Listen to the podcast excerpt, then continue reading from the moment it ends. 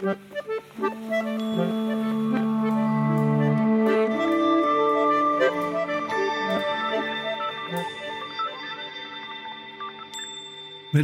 til podkasten Ytringsklima.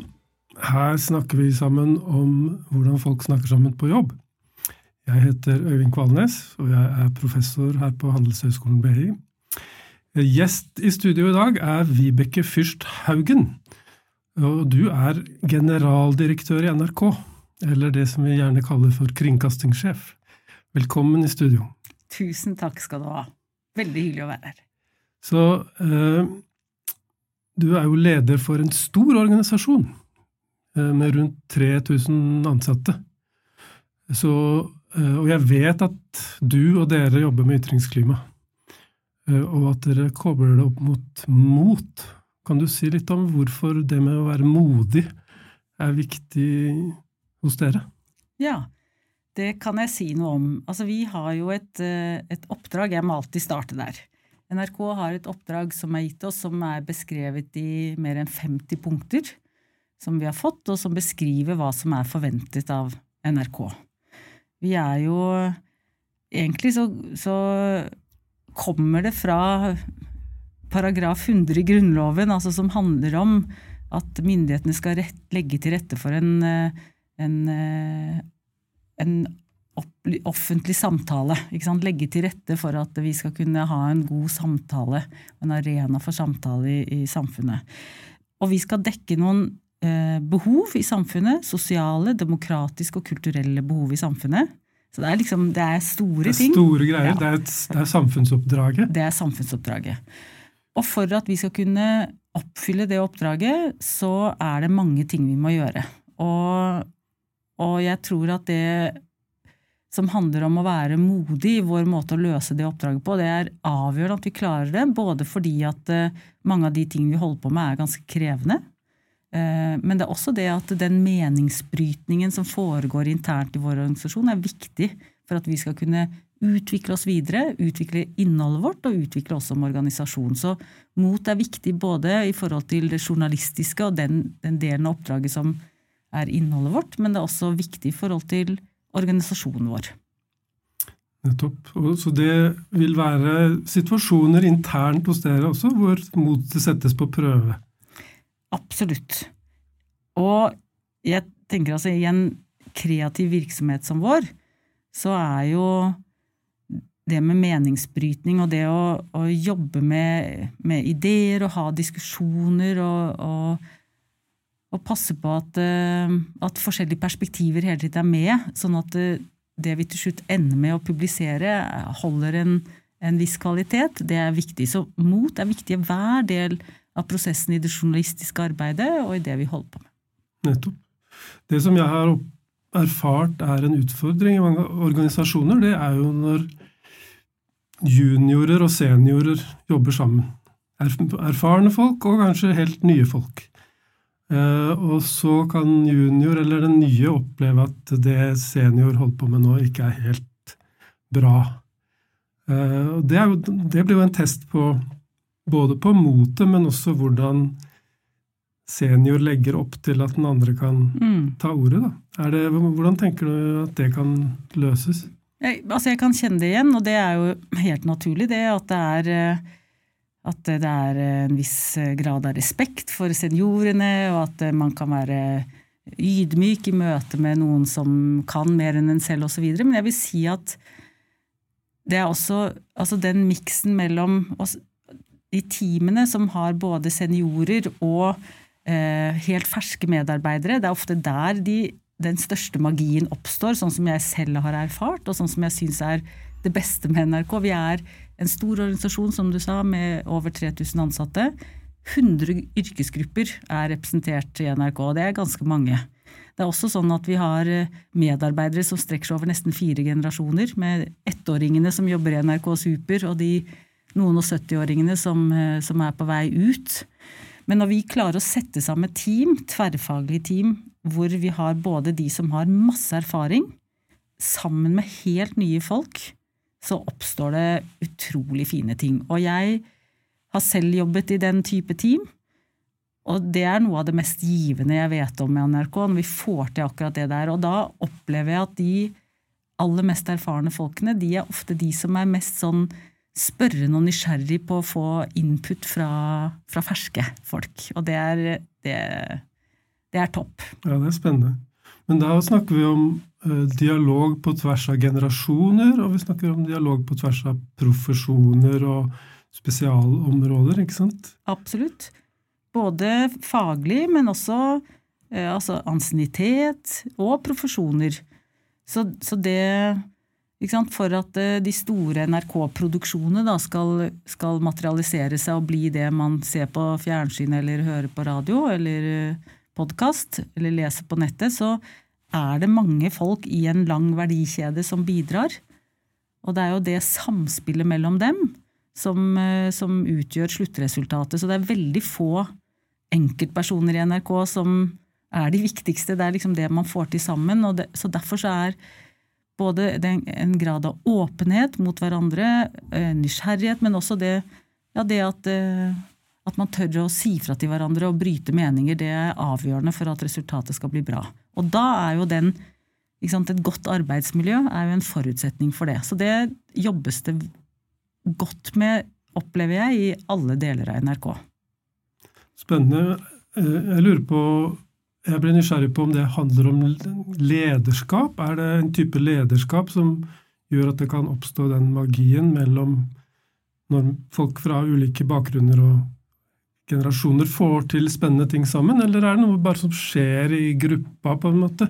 Er det en dynamikken i gruppa, eller er det noen som tar føringen og bestemmer at her hos oss så skal vi få til en sånn eh, dialog på tvers, tror du? Jeg, altså, man kan jo si det, men det å si det altså sånn, Beordre folk til å samarbeide, beordre god stemning eller beordre godt arbeidsmiljø, det tror jeg ikke noe på. Men, men jeg Min opplevelse av NRK, og jeg har vært der i, i over, godt over 20 år, det er at veldig mange av de som jobber i NRK, tror veldig på det oppdraget vi snakket om innledningsvis. Har et veldig sånn brennende engasjement for å levere på oppdraget, en stor lojalitet til det. Så de beste teamene jobber jo veldig med et brennende engasjement for å få til det som de, den oppgaven de er satt til å løse. Og så handler det jo også om at uh, alle som har jobbet i team, har, erfarer jo at uh, hvis vi gjør det på den måten istedenfor altså Det funka veldig godt hvis vi gjorde det på den måten, og det handler jo ofte om å slippe til ulike perspektiver og, og, og ha en uh, legge til rette for at det skal være et godt samarbeid og en stemning som gjør at man nettopp tør da å si ifra når man syns at noe er gærent, eller skal vi pushe oss litt lenger her, eller løse det på en annen måte. Nettopp. Det som jeg har erfart eller hørt om fra andre organisasjoner, er jo at uh, dette ikke er så enkelt å få til. da. At uh, Særlig kanskje det at uh, hvis du har vært på samme arbeidsplass en stund, så er du vant til at ting gjøres på samme måte og det har fungert bra, så hvorfor endre noe som allerede fungerer? Sånn at det kan bli litt sånne gnisninger eh, rundt det. da. Hvorfor absolutt dette, alt dette nye? Er det noe som du kjenner igjen også? Ja, og det snakker vi veldig mye om. Uh, og så kan man jo si at vi er heldige eller uheldige på den måten at uh, folks medievaner har endret seg radikalt de siste tiårene og er i en voldsom endring. Så for at vårt innhold, NRKs innhold, skal treffe publikum og være relevant for publikum, så er vi nødt til å endre oss. Og selv om det er noen titter man kan kjenne igjen fra de siste tiårene, så er det jo sånn at vi må hele tiden utvikle måten vi produserer på og publiserer på og samarbeider på. Vi må hele tiden jobbe med ny teknologi. Eh, så det er ikke Selv om flere kan ha samme titler over mange år, så er så forandrer innholdet seg i tittelen og funksjonene og profesjonen seg hele tiden. Så det er en dynamikk der som krever en eh, endringsvilje. Mm. Det er det du beskriver da. Spennende. Og, og, og, den endringsviljen opplever jeg at det ikke altså, det er jo selvfølgelig sånn at det er en lederoppgave å, å peke retning og si at nå er det her vi skal, osv., men, men at den er Jeg vil si at NRK består av folk som er veldig indremotivert. Ja, og forskningen sier jo at det er, det er det beste, den beste formen for motivasjon du kan ha. Nettopp. Eh, du og jeg hadde jo en, en prat i går for å sirkle inn noen temaer som vi kunne snakke om her. Og noe av det som jeg syntes var veldig spennende i det du fortalte om, det var eh, et begrep som heter pre-mortem. Eh, og det er jo det motsatte av post mortem, hvor man studerer eh, ting i etterpåklokskapens lys, på en måte. Men det du fortalte om, handlet om å, egentlig om å forestille seg et, et uheldig utfall, og så tenke videre derfra. Kan, kan, du fortelle hva som ligger i det begrepet, og hvordan dere jobber med det? Det kan jeg gjøre. Det eh, er et eh, verktøy, egentlig, som, som jeg har hatt stor glede av å bruke i situasjoner hvor det er Hvor eh, omverdenen er preget av mye usikkerhet. Hvordan, hvordan, kommer det til å gå med dette som vi enten, enten et prosjekt eller en del av virksomheten eller noe som vi skal sette i gang med? Og så er det litt, er mange usikkerhetsfaktorer, og så finnes det jo masse ulike verktøy å bruke, men dette verktøyet som heter Premortem, eh, lærte jeg eh, for noen år tilbake. Eh, og det er et veldig virkningsfullt verktøy, syns jeg. Og det er nettopp som du sier, at post mortem det er jo obduksjon, alle kjenner det, det er obduksjonsrapporten som skrives når pasienten er død. Og formålet og meningen med det er jo å lære. Og så er det én som ikke lærer noe av det, og det er den personen som er død. Så her tenker man seg at uh, alt går veldig, veldig galt, og så skal man forsøke da skal teamet se for seg et fatalt utfall av det man er i ferd med å lansere eller sette i gang. Og så skal man prøve å tenke seg alle de tingene som kan gå galt, og så lære av det, altså være etterpåklok i forkant. da etterpåklok i forkant. Det er spennende saker. Det er veldig spennende, og ja. det, jeg syns det er et, eh, et, virkningsfullt verktøy fordi at det kombinerer analyse, innsikt og kreativitet. Og det, det, det er forventet at, eh, at deltakerne skal, eh, skal, bidra. Og hvis jeg kan få lov å fortelle om det da jeg lærte dette, hvilket pre-mortem vi ble gitt, så syns ja. jeg det beskriver godt hva det verktøyet er. Ja. Og det, jeg tok en master i strategisk ledelse ved Handelshøyskolen. Det er, er, det lov å si på denne podkasten? Det er helt greit. Eh, og vi var på uh, studiebesøk til uh, Handelshøyskolen i Paris, utenfor Paris, HEC, hvor vi hadde en foreleser, professor Gez, som underviste i geopolitikk. Og, for, og det var, dette var i 2018, tror jeg, og, og det var Trump, og det var Natos artikkel 5 som var mye diskutert. Det var det, da mye klimaspørsmål, store, vanskelige ting på agendaen. Og så snakket vi om Norges rolle i Europa. Og så, han, så var det han som lærte, Etter denne forelesningen så, så, lærte han oss dette verktøyet. og så sa han, nå skal jeg gi dere et pre-mortem som dere skal jobbe med. Og Vi var da 30 norske bedriftsledere. Eh, og pre-mortemet, for du må på en måte beskrive en fremtid som ligger litt frem, og så må du beskrive noe fatalt. Så han sa eh, året er 2032, da var det 15 år til. Norges statsminister går på talerstolen på Stortinget og erklærer Norge oppløst som nasjon. Fem år tidligere har Norges statsminister erklært Norge konkurs. Hva har skjedd? Det er et premortem han ga oss. Og så går man i grupper, diskuterer i en halvtime, tre kvarter prøver å sette opp alt, alle de tingene vi kunne tenke oss fra den dagen til dette fatale utfallet.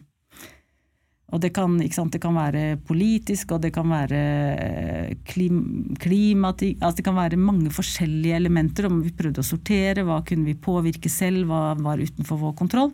Og så kommer man tilbake til plenum, og så skal man presentere veien, historien fra i dag til dette har skjedd. Og det det er en veldig fin øvelse. Selv om det lyder ganske sånn eh, mørkt, så er det en fin øvelse fordi at det tvinger en til å tenke på, på alle de eventualiteter, alt det man ikke vanligvis har rom for å diskutere. Eh, og det blir, tro det eller ei, kan bli ganske morsomt. Eh, og det beskriver mange ulike fenomener som, som det ikke opplever jeg ellers er så mye rom for å snakke om. For hvilke andre ganger liksom, tegner du det bildet der? Så jeg løp hjem og har eh, brukt det i mange sammenhenger i NRK. Det er kjempeinteressant. Og, og, det går litt imot den tankegangen at vi skal tenke positivt. Vi skal tenke, vi har sånn ja og-mentalitet. og eh, Det er ikke lov å dvele for mye ved det negative eller det som kan komme til å gå galt. Eh, så på en måte så er det litt sånn kontraintuitivt, da. At dette skal hjelpe oss til å se muligheter og øh, åpne opp for nye muligheter. Men øh, du har testet ut dette. hva slags erfaringer har du med å teste ut det i, i NRK? Jeg har veldig gode erfaringer, vil jeg si. Jeg kommer jo fra en del av NRK som er den kreative delen, altså en, hvor hvor vi nettopp har jobbet veldig mye med å se for oss sånn, men hva, hvordan kan vi makse dette, hvis, hva vi skal gjøre det enda bedre. Det er veldig sånn positiv forsterkning i det kreative arbeidet. Så det å se for seg et fatalt utfall har ikke vært en del av den tradisjonen jeg kommer fra. Og det er kanskje derfor det er veldig befriende òg. Fordi det er nettopp det at eh, sant, hvis man ser for seg et, eh, et møte hvor man om veldig kort tid skal lansere et eller annet nytt produkt eller eh, noe nytt innhold eller et eller annet, og så kommer spørsmål ok, er det noe vi ikke har tenkt på før vi går på lufta med dette, eller før vi lanserer dette, så er det veldig få som har lyst til å rekke opp hånden og si er dette egentlig så lurt, eller har, tenkt, har vi tenkt godt nok over hvor farlig dette er, eller ja. Så det, det applauderer på en måte og heier frem sunn skepsis og de stemmene som er eh, kritiske, da, på en litt annen måte. Og jeg, eh, som leder av en, eh, av en, stor divisjon i NRK, har gjort denne øvelsen med en utvidet ledergruppe, hvor vi har sett noen år frem i tid, og så har vi sagt at vi er strøket fra organisasjonskartet. Vi fins ikke lenger. Og så har vi liksom beskrevet det som en, et fatalt utfall. Og så har vi prøvd å fortelle historien fra i dag til at vi ikke fins som organisasjon lenger. Og det har vært uh, utrolig fint, fordi at nettopp det at disse diskusjonene som det ellers ikke er rom for, tematikk som det ellers ikke er rom Det fins veldig få anledninger til å snakke om den type ting.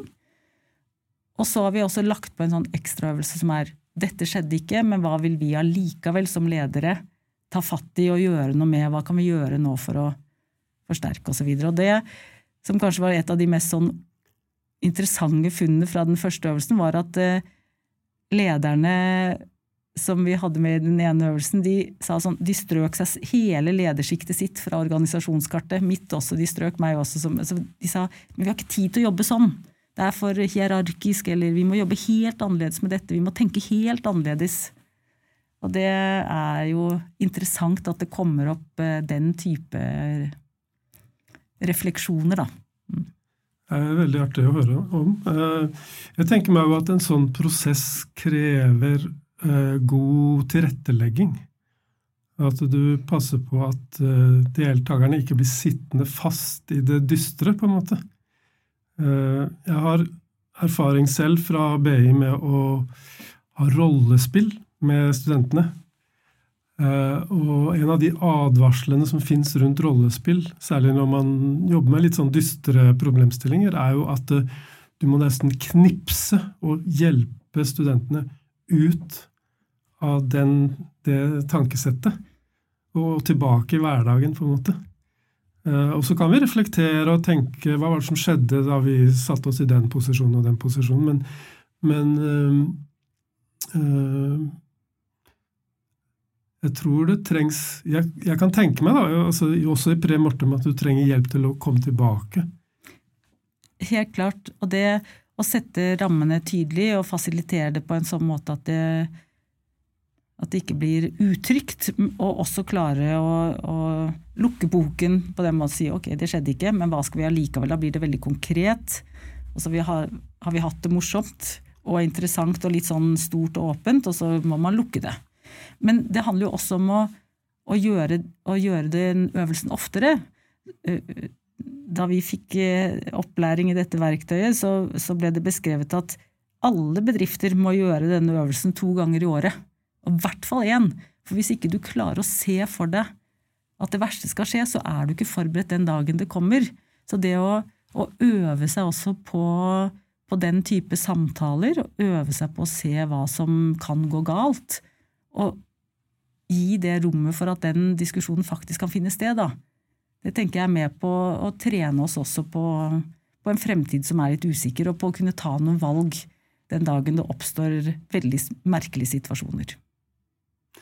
Jeg syns det er veldig spennende å høre det, det, du sier, og jeg kobler det jo da til ting jeg har vært opptatt av knytta til det med kritiske kvalitetsøyeblikk. Altså situasjoner hvor det neste som skjer nå, avgjør om det går bra eller ikke.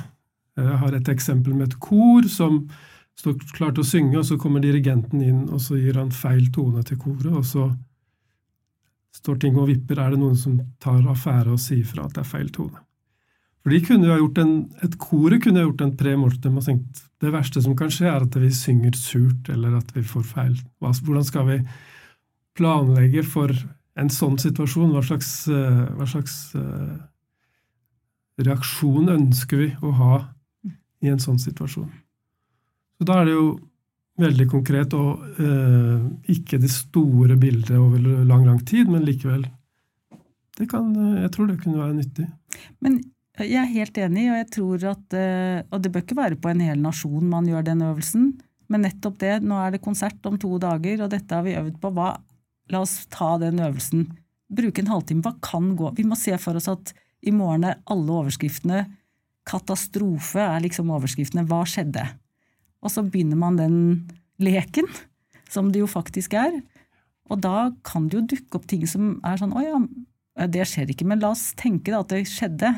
Hvordan skal vi håndtere det? Så jeg, jeg syns det er nyttig med den type øvelser, og det fins jo en rekke verktøy for den, men dette syns jeg er en veldig konkret og effektivt og morsom måte å jobbe med usikkerhet på.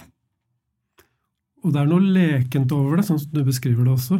Og jeg tenker meg at det er nødvendig sikkert for at det skal være vellykket. At man ikke liksom, drukner i dysterheten, men at man klarer å sjonglere med muligheten å le litt av det og ha det gøy.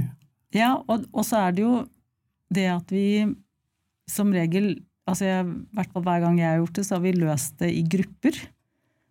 Og så er jo alle litt glad i å, å, kunne fortelle en god historie. sånn at når man lager den fortellingen som skal presenteres i plenum, så har alle lyst til at det skal være litt sånn spektakulært og gøy det, man, det gruppa vår forteller til de andre.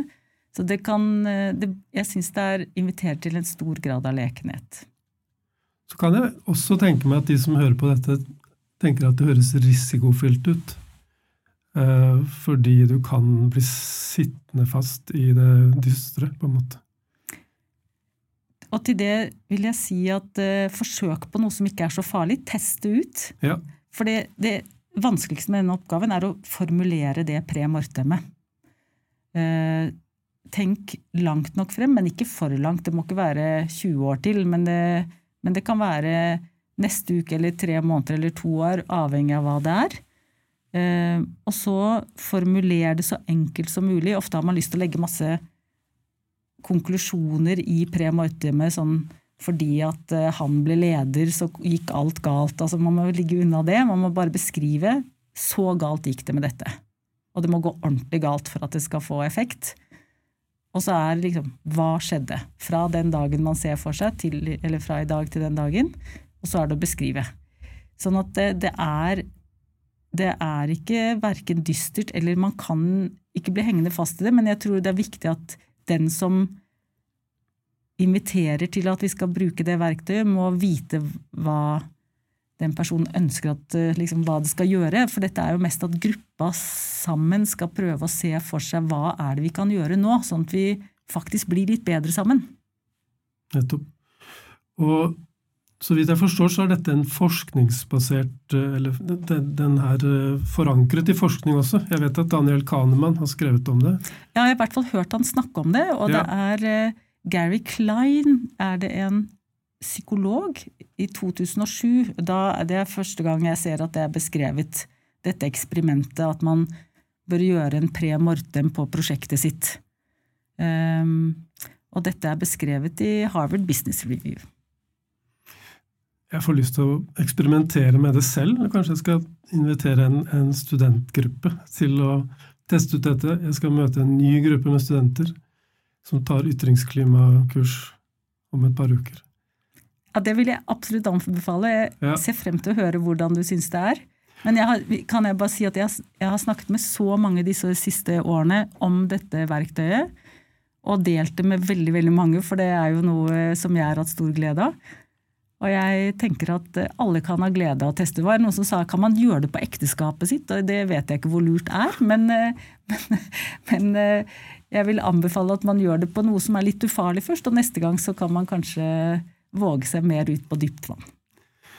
Vi bruker et begrep i, i, blant mine kollegaer, vi kaller det for aktiv utprøving. Dette høres ut som et ypperlig eksempel på noe man kan gjøre en aktiv utprøving på. Teste ut eh, verktøyet. Det høres sånn ut. Takk skal du ha. Eh, jeg har lyst til å komme inn på ett tema til, som vi sirklet inn da vi hadde planleggingsmøte i går. Uh, og jeg har lest om deg at du har fått uh, honnør for å være en rosende leder. En ro, et, du, du, driver med rosende lederskap. Uh, for det første vil du si at det er en merkelapp som stemmer, og i så fall hva, hva legger du i det, eller hva, hva, hva vil du oppnå med rosende lederskap? Da må jeg starte med å si at det har ikke vært min intensjon. Altså, det er ikke noe jeg har sett for meg at det er det jeg skal drive med. Men jeg eh, har vel erfart eh, både som eh, barn og ungdom og voksen at det å bli, få en positiv forsterkning i hvert fall motiverer mer enn eh, kjeft og pekefinger. Så det er bare at jeg tror mer på det ja. enn eh, noe annet. Ja. Eh, og så, eh, i mine år som leder, så har det fungert. Og det, og det, handler ikke om at jeg finner på, men det handler om at det er det jeg, som gjør mest inntrykk på meg, og som jeg får lyst til å bygge videre på. Så, så det er nok ikke mer hokus pokus enn som så. Fordi når, når folk blir spurt om kvaliteten på sitt eget ytringsklima, så en ting som går igjen da, er en, et savn etter å få ros og anerkjennelse. Eh, så jeg tror dette er et felt hvor det går an å utvikle seg, mm. Eh, og at eh, mange ledere kan ha godt av å ha en påminnelse om kraften da, som ligger i anerkjennelse og ros. Men det tror jeg, og hvis jeg kan få lov å ta en liten omvei, så, så, jobber vi mye med lederskap og utvikler lederskap i NRK. Og vi, vi, forsøker å hele tiden ha med oss tre perspektiver på ledelse øh, når vi også driver med lederutvikling i NRK. Det handler om at ledere skal være øh, oppmerksom på det som handler om å lede virksomheten. Altså alltid ha på NRK-hatten i, sitt, i, i sitt lederskap. Og ha NRK, liksom, tenke på hva, hvorfor er vi her. og og så er det det å, å, lede et team, eller lede sin enhet eller avdelingen. Og så har vi den siste perspektivet som handler om å lede seg selv. Som man jo ofte ikke snakker så mye om, som vi jobber en del med. Og det å, å være oppmerksom på ja, hvem er jeg som leder, hvordan virker jeg? Hvordan virker jeg på andre, hva er det som motiverer og driver meg, og hvordan blir det for den andre når jeg blir for ivrig eller for uh, irritert eller så, så selv så har jeg forsøkt å være veldig oppmerksom på det som handler om, om eh, motstand, og dere har jo tidligere her snakket om, kreat, nei, om, om skapende motstand, som jeg syns er et veldig godt begrep. For det motstand som leder kan man jo ofte tenke at er ubehagelig og noe man ikke ønsker, og skulle ønske de gikk et annet sted og var stille. Men jeg forsøker å virkelig gå etter den motstanden og forstå hva den handler om. for det og det er brukt et uttrykk som er sånn imiter eh, motstanden på kaffe. Prøv å, Hva handler den motstanden om? For Veldig ofte så er det jo fagfolk som, som er veldig dyktige, eh, og som har sterke meninger om bedriftens ve og vel og hva vi skal få til, som ytrer seg kritisk mot noe en leder sier. Og da er det å forsøke å finne ut hva er det dette egentlig handler om. Er det sånn at hvis vi virkelig ta med de perspektivene. Kanskje beslutninger blir bedre. Så det å være nysgjerrig på den motstanden ikke løpe etter å rose den nødvendigvis, for det, det er noe annet, men, men, være ja, For min egen del så forsøker jeg å være raus, da. Raus i holdning. Um, også når det kommer til det med, med motstand og, og du vet, I NRK er det veldig mange journalister, og det er jo den Det kritiske blikket er jo liksom utgangspunktet for eh, journalister. Så det er, eh, det er jo ikke sånn at det er veldig enkelt å være leder i NRK, for medarbeiderne og journalistene er kritiske i utgangspunktet. Det syns jeg er bra. Vi må finne ut hvordan vi skal få dette til å, å funke så nysgjerrig på motstand og raus i holdning. Nettopp. Vi har jo en episode i denne podkastserien som handler om skapende motstand, som du er inne på. Og det er et begrep som min kjære kollega Arne Karlsen har vært med på å utvikle. Og de beskriver jo det som uh, det å prøve å få et, en tenkemåte rundt motstand, og ikke se på det som irritasjon og støy og noe du må skyve vekk. For det er kanskje den naturlige første menneskelige reaksjonen på irriterende, altså motstand, at det er irriterende. Uh, men prøve å snu det til noe, noe positivt. Jeg har lest den boka og hørt uh, han snakke om skapende motstand. Syns det er et veldig fint begrep, og er veldig begeistret for den boken. Det må jeg virkelig si. Og jeg tenker også at i alle kreative prosesser så må man gjennom eh, en periode med smerte. Eh, det er en del av Når, et, når man jobber sammen om en kreativ prosess, så, så, gjør det vondt. Og hvis det ikke gjør det, så, så, har man kanskje ikke gjort en ordentlig god jobb. For det, det er noen hindre man må gå over sammen, og det skal brytes meninger, og det skal være, det skal være tunge perioder i utvikling og i kreativt arbeid. Så det, det vet jeg godt. Jeg har kjent på det selv, og, jeg, og det, er, det, er, krevende, men det er jo også det som er veldig stimulerende og givende. Så hvis ikke det er motstand, så er det noe som mangler, tenker jeg. Nettopp. Jeg har prøvd å fange inn noe av det med å snakke om friksjon og vennlighet. altså at kombinasjonen av vennlighet og friksjon er bra. Eh, mens vennlighet uten friksjon, da sklir alt rett igjennom. Og friksjon uten vennlighet er egentlig bare vondt og plagsomt. Det syns jeg var veldig klokt sagt. Takk for det. Vi skal runde av. Eh, tusen takk til deg, eh, Vibeke Fyrst Haugen, kringkastingssjef, som har tatt deg tid til å komme her i studio og snakke med meg om ytringsklima. Tusen takk for at jeg fikk komme. Det har vært veldig fint å være